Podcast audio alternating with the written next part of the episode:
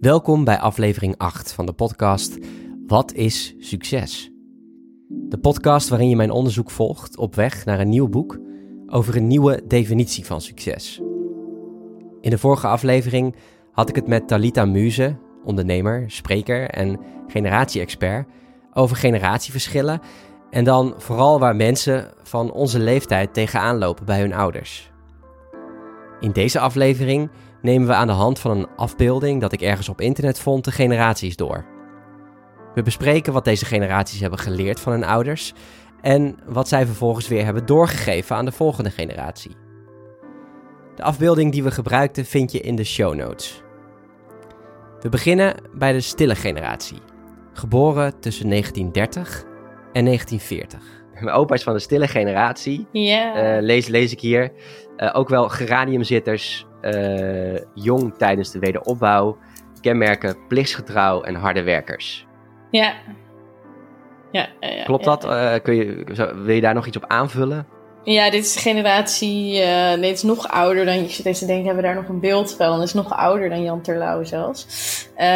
Um, denk ik, ja, net nog iets ouder. Nee, ja, kijk, het is heel bizar, want deze mensen zijn opge opgevoed door mensen die in 1800, eind 1800 zijn geboren. Dat mm -hmm. is echt heel bizar, want dan zit je eigenlijk voor ons al twee eeuwen terug. Hè? Dus dat is echt paard en wagen, geen antibiotica. Uh, dat is heel absurd. Je zit, dat is altijd wel leuk met die generaties. Je zit heel snel, zit je gewoon een paar eeuwen terug. En dat is gewoon maar in je eigen familie is dat gewoon maar een paar overgrootouders. Dat is heel bizar. En dat, en dat klopt inderdaad. Dit is echt die tussengeneratie tussen de Eerste en Tweede Wereldoorlog geboren. Uh, dus echt uit begin 1900. Uh, veelal nog heel erg gelovig. Uh, ja, heel conservatief ten opzichte van onze waarden, zeg maar nu. Uh, mm-hmm. En ook heel erg gevormd door die oorlogsjaren, omdat zij dat super bewust en actief uh, hebben meegemaakt. Dus dat is ook die generatie van zuinig en ouderen die nog steeds bang zijn als het luchtalarm zeg maar nu afgaat. En heel weinig hebben gereisd en uh, buitenlands eten nooit hebben gegeten zeg maar in hun, in hun jongere ja. jaren, omdat dat er niet was. En heel spaarzaam en heel bewust en in het dorp en de familie opgegroeid. Dus het is een heel andere, heel andere realiteit. Ja. Ja. Ja. Stille generatie, is dat ook is dat een, goede, is dat een goede bewoording in jouw optiek? Mm, nou, ik, volgens mij heeft dat dus met die oorlogen te maken ook dat dat zo is genoemd. Omdat die generatie niet, want wat ik een beetje weet, maar goed, nu ga ik ook ik uit de boeken van Geert Max, dat die generatie daarvoor, van eind 1800 dus, dus hun ouders en begin 1900, toen leek alles in Europa heel rooskleurig qua nieuwe uitvindingen. En dat kon allemaal niet op. En de kunst. En uh, Europa was echt middelpunt van de, van de wereld. En uh, dus die generatie was heel zichtbaar. En die stille generatie, precies, precies tussen die twee wereldoorlogen. Daartussen zat ook nog economische uh, depressie en zo. En was, heel Europa was gewoon helemaal failliet. dus die generatie is gewoon niet heel erg tot wasdom inderdaad gekomen. Als je het vergelijkt met daarna hun kinderen, de, de babyboomers. Mm -hmm. uh, dus dat klopt wel. In de stiller van onzichtbaarder, minder, ja, waarschijnlijk minder een stempel gedrukt. En ook gewoon natuurlijk een generatie waar in hele grote getallen heel veel mensen van zijn overleden. Hè? Dus demografisch natuurlijk ook een ramp. Dat al die mannen die allemaal in die Tweede Wereldoorlog uh, vooral zijn omgekomen, heel veel mannen, natuurlijk mm -hmm. ook vrouwen. Maar dat is, dat is natuurlijk demografisch gezien ook heel bizar. Dat gewoon heel veel mensen van die generatie zijn relatief ook heel jong natuurlijk overleden en gewoon een hele zware tijd gehad. Uh, dus dat, uh, ja, dan, dan is er niet zo heel veel ruimte voor heel veel expressie of andere, andere thema's, zeg maar. Nee, precies. Wat, wat, heeft de stille, wat heeft de stille generatie zeg maar, achtergelaten bij de babyboomers als zijnde? Wat, uh, hoe zijn die opgevoed? Wat hebben die geleerd? Nou ja, dus denk toch dat trouw, dat gezagsbesef van een soort van je plichten, taken, uh, trouw, dat, dat is en denk de stereotype beelden van je, van je basis, de autoriteit, de vader in het gezin is de autoriteit, de kerk is misschien een autoriteit. dus denk ik echt best wel gericht op, um, ja, op, op het gezag en, en, en ook wel het gezin. Dus je hebt dan echt een rol van je gezin en daarvoor providen, om het zo maar te zeggen. Uh, ik mm. denk dat dat toch wel heel erg, uh, heel erg belangrijk is. Wij spreken het niet voor je beurt spreken. Ja, dat zijn van die dingen die wij niet kennen. Maar dat gewoon echt niet voor je beurt aan tafel mogen praten. Dat, ja, dat, dat is echt uit een, uit een heel andere tijd. En daar is die babyboom generatie wel nog echt mee, uh, mee opgevoed. Ja. ja. Oké, dan de, inderdaad de babyboom. Uh, hier staat, uh, corrigeer me, ik, ik heb ook gewoon maar een, een plaatje voor me, dus corrigeer me als uh, geboren tussen 1940 en 1955. Um, ook wel de protestgeneratie, jong tijdens stijgende welvaart, kenmerken, vrije moraal, zelfontplooiing. die zelfontplooiing vind ik dan wel gek, want die zie je dan toch niet echt terug. Uh, die zien wij in ieder geval niet terug. Uh, maar misschien is dat weer een andere zelfontplooiing zoals wij die dan zien. Ja. Uh, en onvrede. Dus die zie ik hier staan. Ja, nou wat ik dus weet van de babyboom generatie is dat zij het ook heel... Omdat zij dus net niet... Zij waren dus baby's toen die oorlog er was. Dus eigenlijk... Zij zijn er wel in geboren, maar ze hebben hem niet in hun vormende jaren meegemaakt zoals hun ouders. En wat er in Nederland bijvoorbeeld heel erg gebeurde, is dat dus die stille generatie, die wilde na de oorlog eigenlijk weer gewoon terug naar het leven van de jaren dertig daarvoor, zeg maar.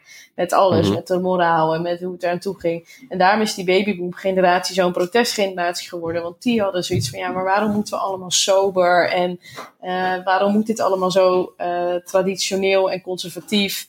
Uh, we zijn in wederopbouw, we kunnen het nu anders doen. Amerika was toen zeg maar echt toonaangevend in de wereld met de vernieuwing en de cultuur en de muziek en nou, de emancipatiebewegingen van vrouwen, maar ook toen van, zwart, van de zwarte gemeenschap.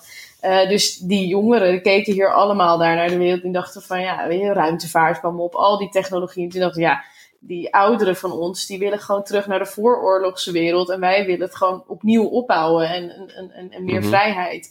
Dus die generatie stond wel heel erg voor zelfontplooiing. Want toen kwamen ook al die dingen met baas in eigen buik, uh, de, de pil, uh, uh, best wel veel, het drugsgebruik legaliseren. Al die dingen zijn toen wel ontstaan.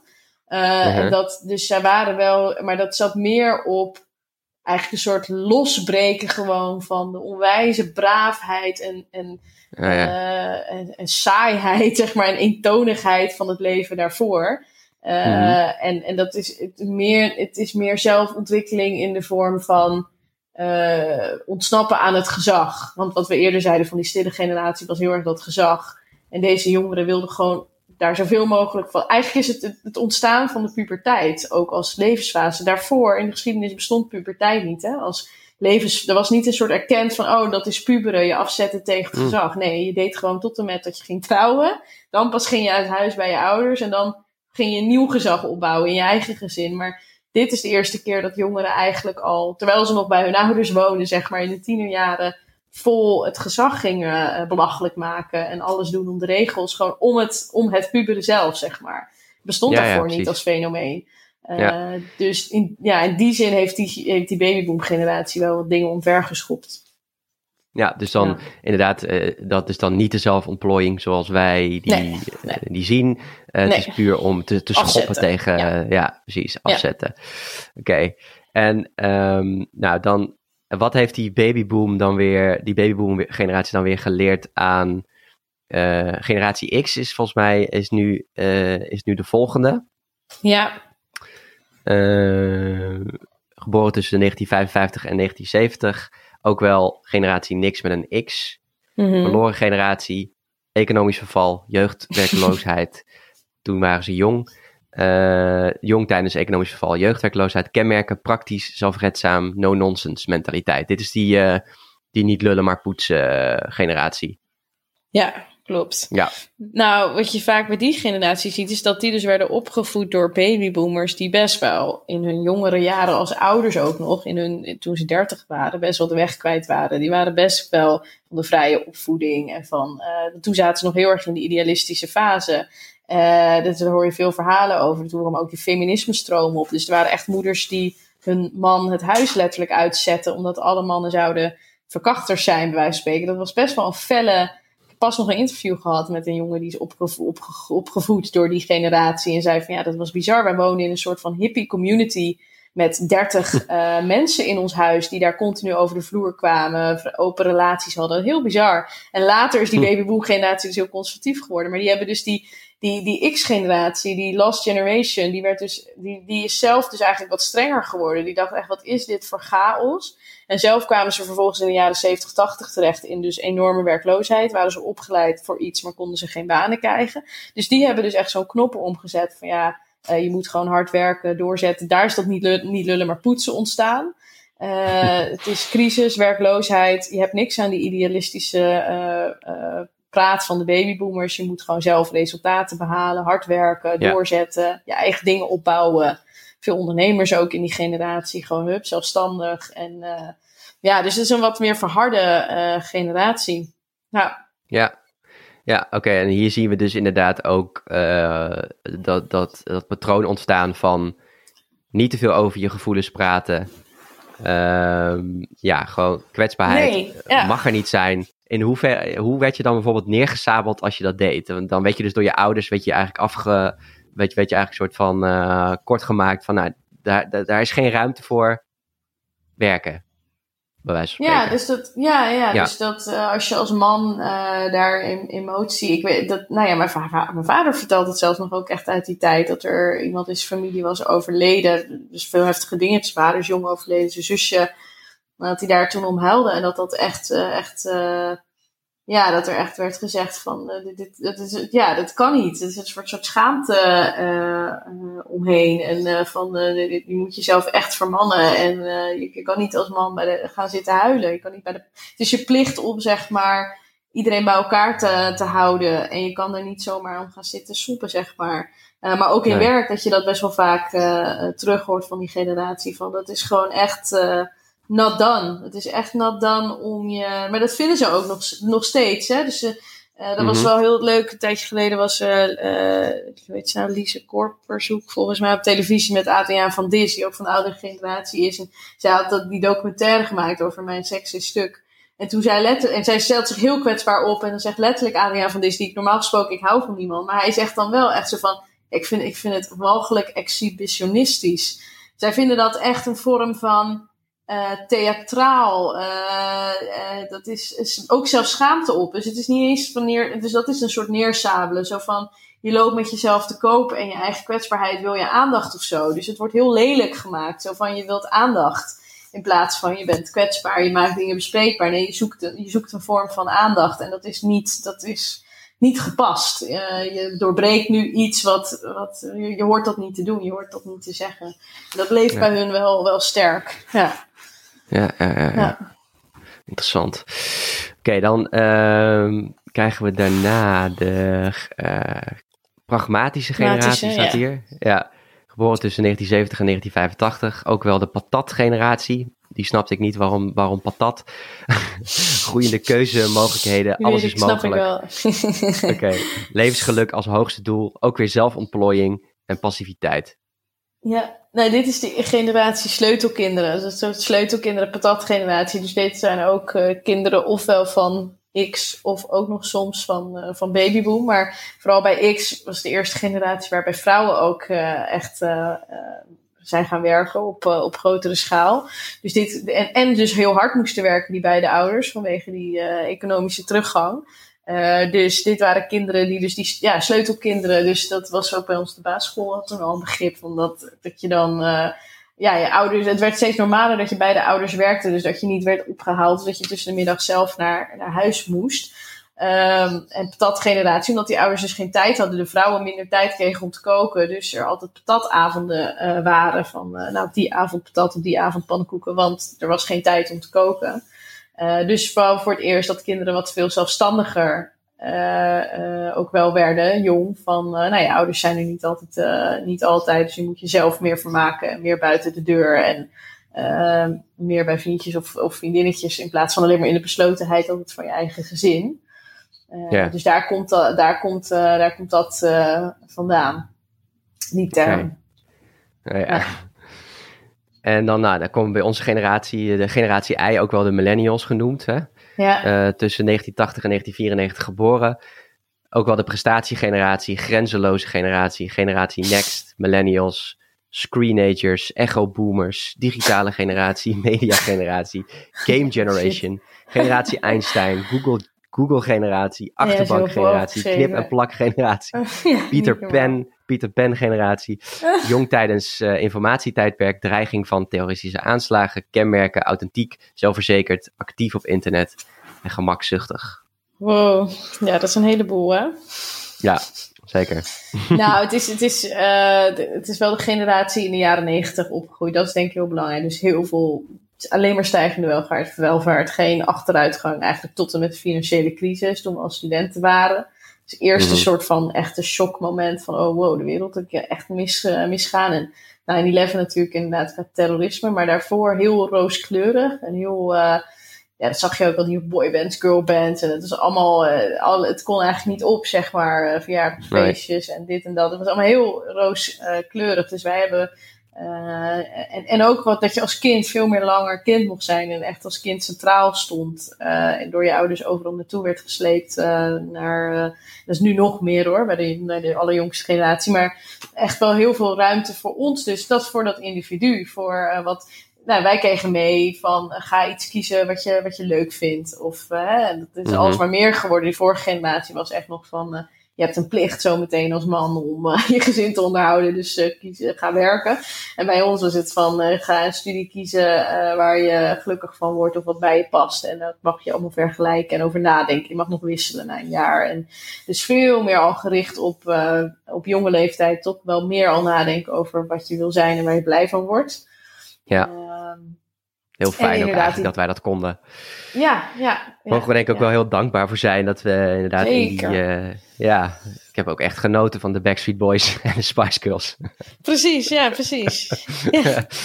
ja, en ehm, eh, ja, wij, wij, eh, wij zijn dus opgegroeid door die... Of wij zijn opgevoed met die, ehm, met die ouders van de generatie X. Of Ja, de babyboom, X hè? Ja, ja. die ons ja, in het paarse tijdperk, hè, dus eh, dat het ook economisch allemaal goed ging en eh, ja, eigenlijk dat Nederland eigenlijk al heel erg floreerde, om het zo maar te zeggen. ja, ja. Ehm, en wij lopen dus nu, even kijken, generatie I en Z lopen dus nu heel erg, ja, dat is waar we het dus eh, al eerder over hebben gehad. Dus die babyboom en die generatie X, dat zijn eigenlijk de ouders van generatie I en generatie Z op dit moment. Ja, hoofdzakelijk wel Ja. X, babyboom, al meestal niet, dat toch al net weer wat ouder, maar voor de meeste Mhm. mensen zal het eh, inderdaad generatie X eh, zijn. Ehm, en voor de generatie Z is het alweer een pragmatische generatie of zo ongeveer, die, die hun ouders zijn. En ehm, ja, ik denk dat, die, dat de millennial generatie ook wel eh, ja, in die zin heel veel geluk heeft gehad. Want generatie Z die heeft toch al wel op jonge leeftijd al wat meer, zeg maar, eh, denk ik, meegekregen van een, van een wereld die toch wel wat dreigender is. Met de klimaatcrisis, met de financiële crisis, met nu deze corona-periode. dus dat je echt al in hele jonge vormende eh, jaren wat meekrijgt over de, eh, de wereld die wat, wat bedreigender is. En wij hebben gewoon echt relatief de jaren negentig en echt de meest, zeg maar, internationaal gezien, wereldwijd gezien, echt de meest welvarende en stabiele jaren, zeg maar, ooit geweest in de geschiedenis. Precies in, Hmm. die, in die periode dat wij opgroeiden. Dus dat is, dat is echt wel een, een, een heel unieke, in die zin, eh, eh, unieke ervaring geweest. Ja. Ja.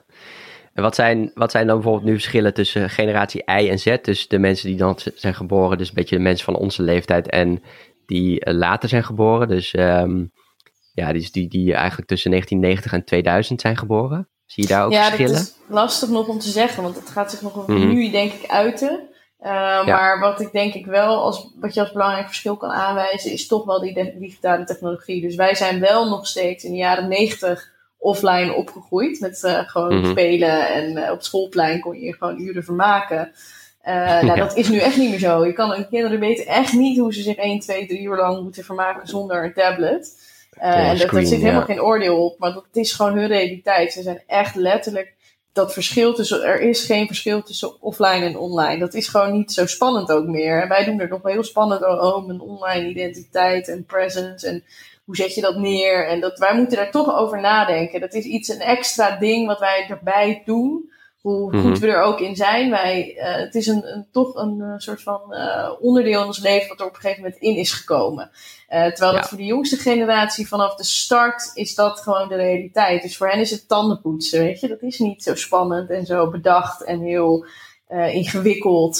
Dat is gewoon echt hetzelfde als je sokken aan en tandenpoetsen is het ook appen en, en storytime, stories maken en, en eh, TikTok challenges doen. Dat, het is gewoon, wij vinden het allemaal heel leuk, oh, social media, eh, een nieuw platform, maar voor hen is dat echt niet Ja. eh, boeiend. En Nee. dat maakt denk ik wel een verschil. En ook dat ze daardoor veel meer echt al vanaf jongs af aan eh, op internationaal niveau met elkaar gelinkt zijn, elkaar volgen. Dus er is ook veel meer ruimte voor echt een authentieke jongerencultuur, heb ik het idee. Dat ze echt onderling hun eigen content produceren, delen, uh, een jongerencultuur hebben. Terwijl wij keken nog wel naar MTV en naar jongere platforms die door, voor ons waren gebouwd door oude generaties. En deze jongste generatie maakt, maakt het zelf. Ze maken het zelf, ze bedenken het zelf en ze delen het met elkaar. En wij worden er eigenlijk van buiten gesloten. Want ja, als je er niet. Zo van ja, dat, dat, dat uh, daar zit je eigenlijk helemaal niet eens echt middenin. Uh, nee. Dat is wel leuk. Ze hebben echt een eigen op zichzelf staande wereld. Die niet door ouderen is bedacht of gecreëerd. Maar die ze ook zelf maken. En dat vind ik wel heel leuk. Ja, ja. geweldig. Die jonge mensen die kunnen allemaal belachelijk goed presenteren. Als ik nu wel eens in de jury zit van. Hmm middelbare school of nu universiteit of, of, uh, of HBO of maakt eigenlijk niet uit, MBO, uh, competities voor duurzaamheid of wat dan ook.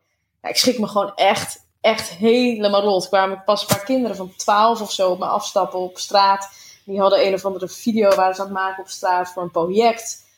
Nou, die stonden echt op een manier te kletsen als een soort van vlogger reporters. Dat ik, ik viel echt stijl achterover. Ik dacht, holy shit die zijn een soort van mega entertainment. Uh, en wat is dit? Ja. die zetten gewoon heel zelfbewust. Uh, heel simpel. Echt in een handomdraai weten ze wat leuk is en grappig is. En hoe je dat zo doet en dit filmt en dat. Nee, ik, ik, ik was echt verbaasd. Ik dacht van holy shit. Ja, Deze mensen zijn next level wat, uh, wat op dat vlak qua creativiteit en gemakkelijkheid. En geen gêne. Gewoon hup, ze zeggen gewoon wat ze denken. Gooi het allemaal erop. En uh, nee, dat is heel grappig om te zien. Dat zij die openheid en die creativiteit die zij met technologie en met social media bereiken, dat is, vind ik alleen maar heel, heel inspirerend. Ja. Ja, cool. Ja, en dan misschien nog wel goed om die nog even te noemen. Dan hebben we het dus over generatie Alpha, lees ik hier, geboren tussen 2000 en 2011. ook wel de Google Kids, Gen A, economische malaise, bezuinigingen, groeiende technologische kennis en uh, beter opgeleid dan ooit, maar ook materialistisch. Um, dat materialistisch, snap jij dat? Dus ik heb wel het idee dat er wel een tikkeltje materialisme in zit. Uh, maar dat dat meer samenhangt vooral met dat, met dat zelfmeet. Zo van, uh, mm-hmm. Waar wij dan als millennials dan wel weer een bepaalde gêne hebben. Dat wij, wij vinden het heel leuk om dingen op te richten. Maar wij vinden het wel weer ongemakkelijk om heel erg dan op de voorgrond geplaatst te worden. En je ziet dat millennials dan heel vaak toch wel bescheiden zijn en zeggen: ja, we doen dit samen met een team en het team effort, zeg maar. Uh, Denk ik mhm. dat die generatie dat gewoon dat ownen, weet je, dat, dat, dat girlboss en allemaal dat soort termen, dat komen echt van social media, van de jongste generatie, van dat ownen van ik ben zelf meten, ik heb het zelf gedaan. Dat zit er wel, denk ik, meer in. Ik weet dan niet of dat door de influencer-cultuur komt, uh, door social media, of, uh, of dat komt door de inderdaad die tegenslag die zij dan uh, misschien wat meer bewust van zijn. Dat ze nu denken, ja, je moet het er zelf van nemen of zo. Ik weet dat dat. Ik ben heel benieuwd hoe dat precies, waar dat precies vandaan komt. Maar ik herken ja. er wel iets van. Ja. Ja, ja, dat, eh, een mooi voorbeeld is misschien ook al nu wel dat wij, tenminste, uh, laat ik voor mezelf spreken, maar dat wij ook niet zo goed snappen wat er nou precies zo leuk is aan dat uh, Ronnie Flex en nou, noem het allemaal maar op. De, de, en als je ook ziet, kijk, als je kijkt ook hoeveel hip-hop er wordt gestreamd op dit moment, ook op Spotify. Echt, het is echt ziek. Nou, Gewoon dat ook die Nederlandse artiesten en zo.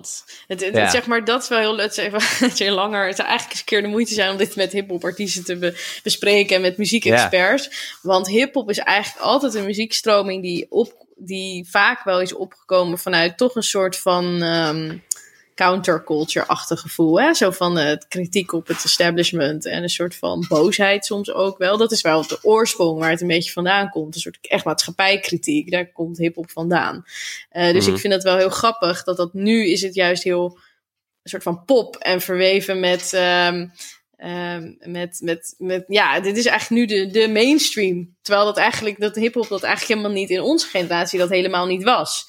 Uh, Dus dat is wel echt heel fascinerend om te kijken bij die, bij die jongere cultuur, waarom dat zo. Uh, uh, nou, we hebben in onze generatie wel de opkomst een beetje ook gehad van, van natuurlijk die straatcultuur. En op die manier, dat, weet je, dat, dat randje of zo. Ik weet niet, ik weet niet waar dat mee te maken heeft. Dat, ik zou het wel leuk vinden om eens een keer dat je de, dat zou verder uitdiepen van waarom hip-hop mm. nou onder de jongste generatie echt zo de toonaangevende cultuur is, zeg maar. Dat is wel heel leuk. Ja. Interessante vragen. Ja, wordt vervolgd, absoluut. Want ik vind het ook echt immens uh, interessant, fascinerend, dit, uh, ook dit hele gesprek. Ehm, wat, ik wel, wat ik wel echt geleerd heb van ons gesprek, uh, is um, dat het denk ik gewoon heel goed is om ook om je te verdiepen in wat die generaties he hebben meegemaakt. Ja. En, en, en daar ook een verzachting in te vinden, zeg maar, een acceptatie in te vinden. En vervolgens ook kijken van, ja, uh, hoe kan ik, hoe kan ik uh, inderdaad gewoon op een leuke manier misschien ze inspireren om, wat jij zegt, om ze een, een, boek te geven of zo. En ik denk wel wat ik ook wel geleerd heb van ons gesprek is dat, um, dat het ene, dat het, zeg maar, dat, dat je gewoon ook, dat dat ook, uh, dat die, die tijd waar je in bent opgegroeid is deel, is deel geworden van jouw identiteit. Is gewoon ja. super taai. Ja. Uh, zeg maar, super taaie identiteit geworden door de tijd waarin je bent opgegroeid. De waarden die je hebt meegekregen van je ouders wat er op dat moment belangrijk was. Uh, zo ben je gaan denken en dat is gewoon enorm taai. En dat zal voor ons als millennials ook straks heel taai worden naar andere generaties toe. Ja. Uh, en dat hebben we denk ik ook heel erg te accepteren. En vervolgens kunnen we daar dan wel. Uh, ja, want hoe kijk jij daar tegenaan? misschien heb ik je dat ook wel al gevraagd hoor. Maar hoe kunnen we daarin meer naar elkaar, nog, nog meer naar elkaar toekomen, denk jij? Als generaties? Um, ik vind dat heel mooi en... verwoord wat je zegt van het is taai. dat is wel een goed woord. Het is denk ik heel taai. Maar ik denk ja. wel dat uh, uh, dat gesprek, dus je hebt uh, van die boekjes van opa vertel mij of oma vertel mij eens. Dat vind ik een heel mooi concept. Ik weet niet of je dat kent. Dat zijn echt van die interviewboeken. Nee. Die kunnen kinderen gebruiken. Maar je kan je ook als volwassene, ik weet veel volwassenen die dat doen. En er zijn echt een heel boek vol met interviewvragen die je kan stellen aan iemand van de andere generatie. Uh, en dat is, levert echt, uh, iedereen die dat doet, dat hoor ik altijd van, het levert echt hele bijzondere gesprekken op. Omdat je eigenlijk nooit de tijd neemt om met elkaar eens even heel lang het verhaal. Hoe was het nou voor die ander om toen op te groeien? En welke lessen kreeg jij mee? En uh, ja. hoe kijk je daar nu op terug? En dat, dat geeft heel, heel veel bijzonder. En ik denk echt dat we toch, ja, dat is heel erg millennial, maar dat we echt dat praten, meer met elkaar praten, is wel heel erg gezond. En dat kan ook ons bijdrage zijn. Wij durven wel bepaalde dingen bespreekbaar te maken. Wij hebben die communicatieskills om dat te doen. Dus laten we ook actief, weet je, voor jonge mensen die in organisaties werken en tegen die oudere generatie aanlopen. Uh, maar wat doe je er dan zelf aan? Hè? Heb je zelf al een keer een sessie geïnitieerd of een gesprek in je bedrijf hierover en iemand uitgenodigd er weer langer met elkaar? Ga dat niet uit de weg. Als je juist merkt van die zit ergens een botsing. Ja, ik kan of gefrustreerd over blijven of denk ik, ik neem ontslag of, uh, of wat een muur. Of wij, of wij kunnen zelf die handschoen oppakken en zeggen van, hè, kan ik zelf de, dat gesprek openen? Uh, mm. Juist omdat wij daar, daar, daar, daar goed in zijn, die kwetsbaarheid tonen. Dus ik denk dat wij daarin juist ook wel uh, een rol kunnen vervullen om dat, om dat gesprek uh, over die generatie te openen. En ik denk dat dat echt praten, praten, praten, dat dat heel erg, heel erg goed is. We hebben het over allerlei andere dingen, of heel vaak allerlei onzin. Maar ook even wat meer verdieping over waar kom jij vandaan en hmm. waarom is dit voor jou zo, dan dat, dat kan al heel veel schelen. Ja, ja. want dan, dan snap je het ook en dan kun je vanuit daar ook, denk ik, heb je een bepaalde verzachting en kun je vanuit daar eens een tip geven en dan hoeft het ook minder te komen vanuit frustratie of woede van waarom begrijpt mijn pa dit niet of waarom begrijpt hij dat nou gewoon niet, weet je wel, dat je daar, dat, je, dat, dat daar een soort, maar ja, zodra je weet van waar kom jij vandaan, en je hebt daar ook uh, een beeld bij, kun je daar ook, komt daar, dan is daar ook een soort verzachting op dat vlak, denk ik. Ik denk dat dat wel een goede ja. is. Ja. Wauw, thanks uh, Talita. Enorm bedankt. Leuk. Tot slot, uh, heb je nog wat tips voor me, bronnen, boeken die ik moet lezen? Want je, hebt, je had opa, vertel eens. Had je het over? Ja, je hebt die boeken van opa, oma, vertel eens. Dat zijn dus, mm -hmm. dat is dat interview concept. En dan heb mhm. je ook uh, boeken, wat wel leuk is, zijn boeken van, uh, van Geert Mak, De Eeuw van mijn vader. Dat gaat ook heel erg, vertelt hij eigenlijk aan de hand van het verhaal van zijn vader, vertelt hij uh, over de verschillende generaties in de geschiedenis van Nederland. Dus dat is ook heel erg, heel erg zo'n verhaal. En ik hou zelf heel erg van een beetje coming-of-age boeken. Dat zijn boeken die eigenlijk gaan over hoe je, hoe je als generatie bewust wordt. Dus dan moet je denken aan nou ja, eh, ik weet niet of je wel eens The Great Gatsby hebt gelezen van uh, Fitzgerald. Het boek. Nee. Nou, Dat, is echt, dat, dat is echt een generatieboek over die generatie, nee. de stille generatie, maar dan in Amerika. En, cool. Begin 1900. Dus dat soort, als je er eenmaal op gaat letten in, in boeken, van boeken die een beetje gaan daarover, dan, dan kom je zelf meer auteurs tegen. En dat is, het is een heel leuk perspectief om, om op door te lezen. Dit waren de twee afleveringen over generatieverschillen met Talita Muze. Mijn onderzoek gaat door en ik zou aan jou willen vragen of je me wil helpen om mijn onderzoek nog rijker te maken. Laat me weten wat jouw definitie van succes is door te gaan naar growthinkers.nl/survey. Bedankt voor het luisteren en tot de volgende aflevering van Wat is succes?